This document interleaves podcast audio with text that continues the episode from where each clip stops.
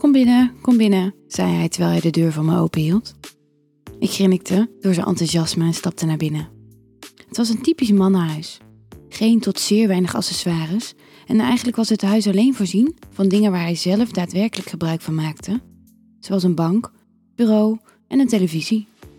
Desondanks was het wel opgeruimd en dat was iets wat ik zeer kon waarderen.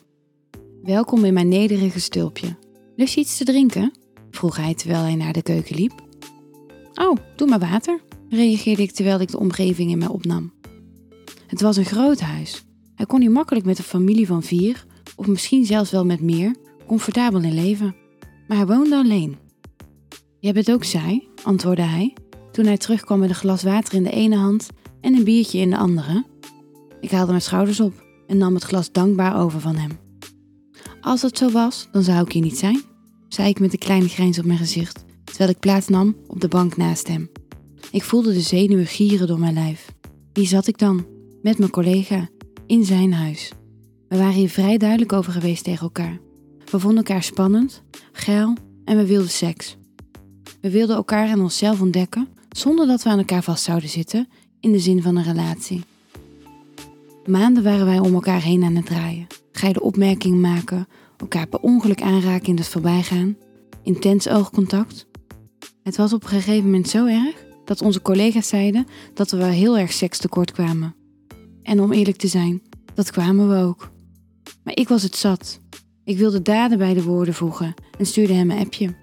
We maakten de afspraak met elkaar dit in het geheim te doen, aangezien we geen zin hadden in die onnodige aandacht van onze collega's. We kwamen wat tekort en we konden dit elkaar geven. Zo simpel was het. En om eerlijk te zijn, weet ik niet meer goed wat hij allemaal zei. Volgens mij had hij het over werk. Maar mijn gedachten waren niet aanwezig bij het gesprek. Ze waren bij hem, zijn lichaam. Zou hij mij daadwerkelijk kunnen geven waar ik zo naar verlangde?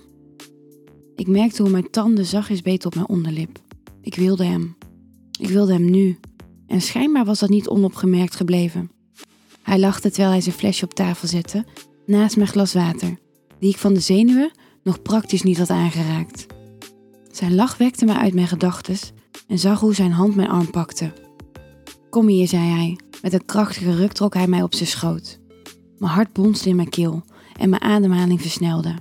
Ik grinnikte terwijl mijn handen van zijn schouders naar zijn handen gleden en legde zijn handen op mijn billen. Zijn ogen straalden. Hij wilde mij en ik wilde hem. Ik boog voorover en drukte mijn lippen tegen de zijne. Onze kus was hongerig, smachtend naar meer. Ik lachte terwijl ik zachtjes in zijn onderlip beet en drukte mijn lichaam dichter tegen de zijne. Hij lachte ook en liet zijn handen op onderzoek uitgaan over mijn lichaam. Al snel vonden we onze kleding op de grond en werd het al snel duidelijk voor mij dat hij een lingerieman was. Vol bewondering keek hij naar het zwarte kanten setje wat ik onder mijn kleding verborgen had. Zijn vingertoppen volgden de rondingen van mijn lichaam en koesterde ieder stukje van mijn blote huid wat hij kon aanraken. Het was alsof hij betoverd was, betoverd door mijn verschijning.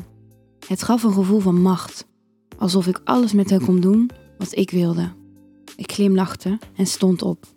Draaide een rondje voor hem, zodat hij mij goed kon bekijken. Mij en niemand anders.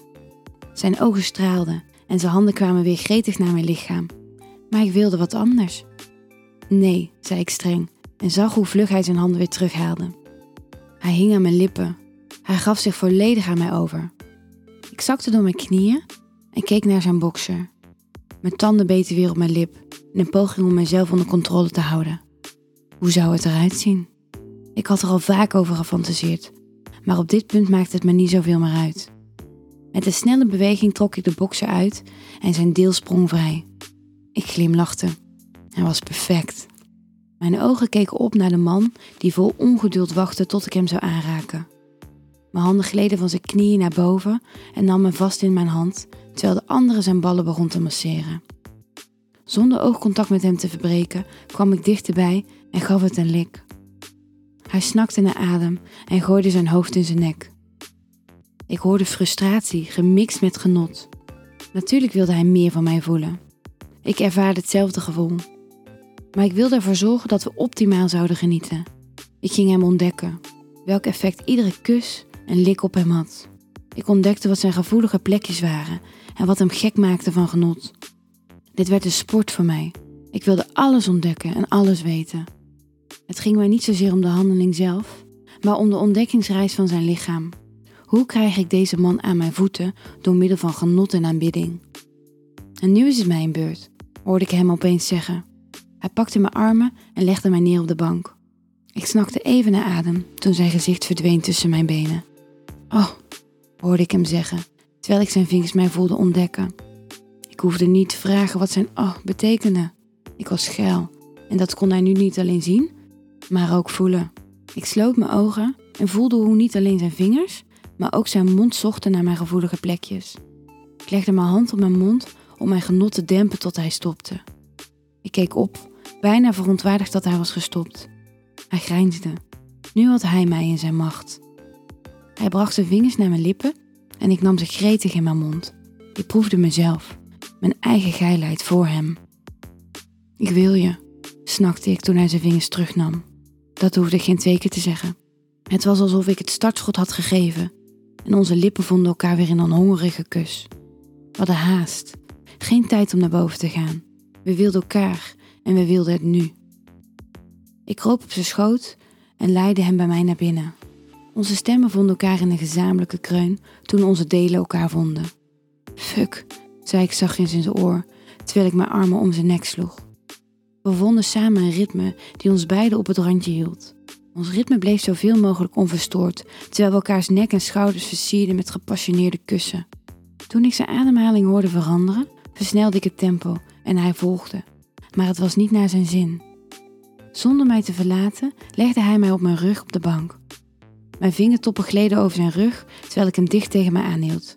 Zijn tempo werd ruw en ik merkte hoe mijn nagels in zijn huid verdwenen. Ons genot werd door ons beiden vocaal geuit toen ik ons hoogtepunt voelde naderen. Zijn ogen keken mij vragend aan en ik wist wat hij vroeg. Geef het me. Ik wil je proeven, smeekte ik hem en ik zag een twinkeling in zijn ogen. Hij stopte abrupt en trok mij naar beneden. Mijn handen en mond sloegen zich om hem heen en proefde hoe hij tot zijn hoogtepunt kwam. Beiden snakten we naar adem en lachten naar elkaar. Je bent een topvrouw, weet je dat? zei hij terwijl hij achterover op de bank leunde. Ik lachte en volgde zijn voorbeeld. Nog nagenietend van wat ons net was gebeurd. Wij gaan nog veel plezier beleven met elkaar. Wil jij nou meer spannende verhalen? Luister dan naar Charlie's Avonturen, een podcast van Easy Toys.